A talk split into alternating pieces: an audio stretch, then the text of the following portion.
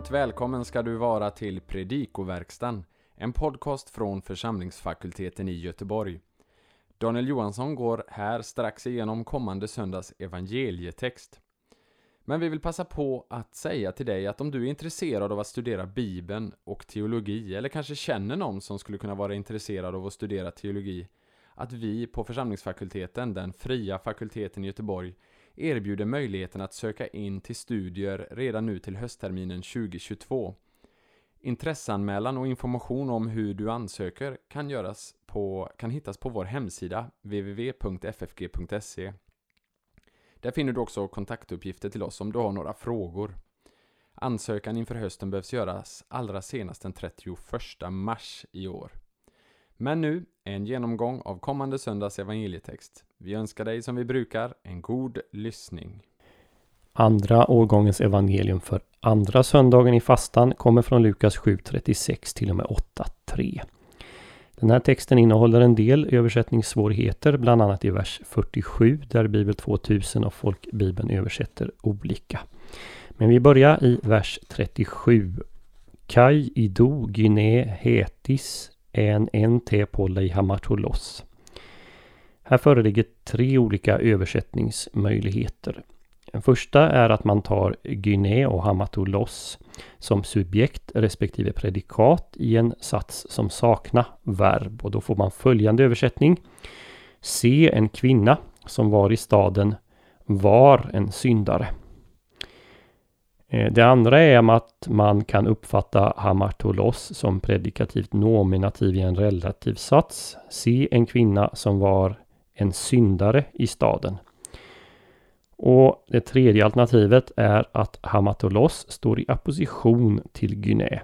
Se en kvinna som var i staden, en syndare. Oavsett hur man väljer att översätta framställs kvinnan som en välkänd synderska. Vi går till vers 39. Satsen som börjar med hotos ej är en profetes är en villkorsbisats som uttrycker ett villkor som inte är sant för argumentationens skull. Vore denne en profet skulle han veta vem och av vilket slag kvinnan är som rör honom. Underförstått Jesus är ingen profet. Lukas använder ytterställan så kallad historisk presens, något som ju är vanligt hos till exempel Markus. Men i vers 40 är fäsin, han säger, en historisk presens. Här använder Lukas den sannolikt för att understryka de händelser som sedan följer. I vers 42 är med echonton auton en genitivus absolutus. Eh, när de inte hade. Eh, I det här fallet så är den nödvändig. Det är ju inte alltid det fallet. Men här eftersom participets subjekt är ett annat än huvudverbets subjekt. Verbet charizomai betyder att ge förintet eller befria ifrån men också förlåta. Här kan man förstå det som en synonym till afiemi, att förlåta. Vers 47 inleds med orden Ho charin. Charin som är akkusativ av charis fungerar också som preposition som styr genitiv med betydelsen på grund av eller för någons skull. Som preposition är den mycket ovanlig eftersom den normalt följer efter det orden styr, inte före som ju är normalfallet med prepositioner. Relativpronomenet ho står i genitiv därför att det styrs av charin. Ho-charin kan antingen gå tillsammans med legosoi som följer omedelbart efter. I så fall förklarar Jesus för Simon varför han berättar för honom att kvinnans synder blivit förlåtna. För den sakens skull säger jag dig. Alternativt går Hosharin med Afeon Taiha Hamartiai Autes Haipollai. I vilket fall, i, i vilket fall Legosoi har en parentetisk funktion. För den sakens skull, jag säger till dig, har hennes många synder blivit förlåtna. I det här fallet blir kvinnans handlingar orsaken till att hon förlåtits.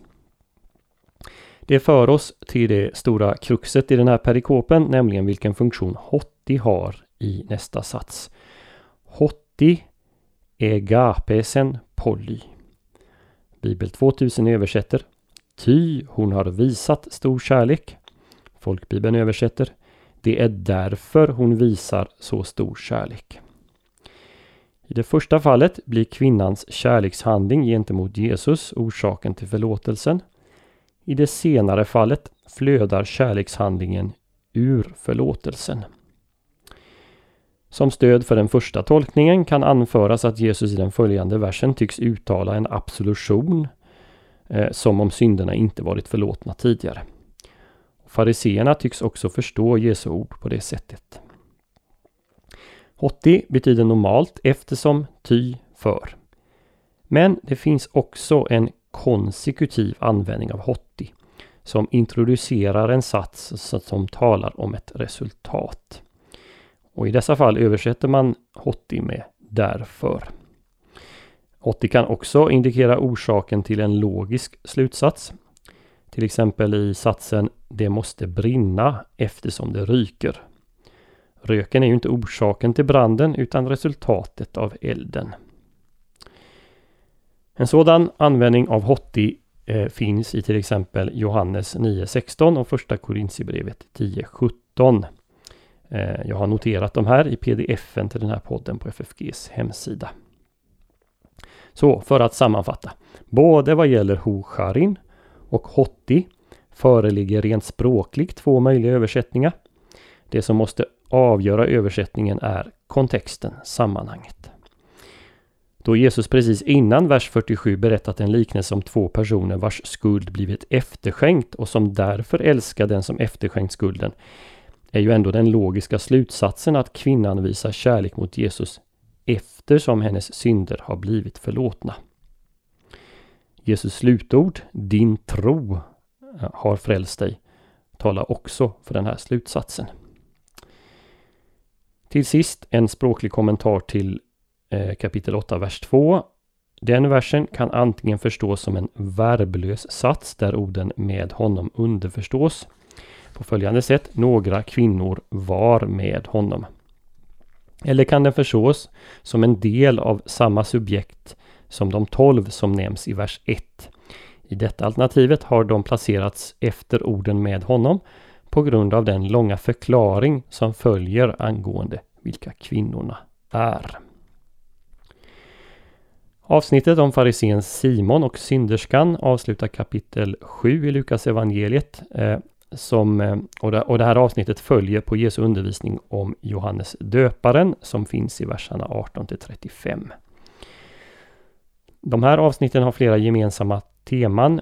En av de fariseer Jesus nyss kritiserat eh, bjuder in honom till måltid.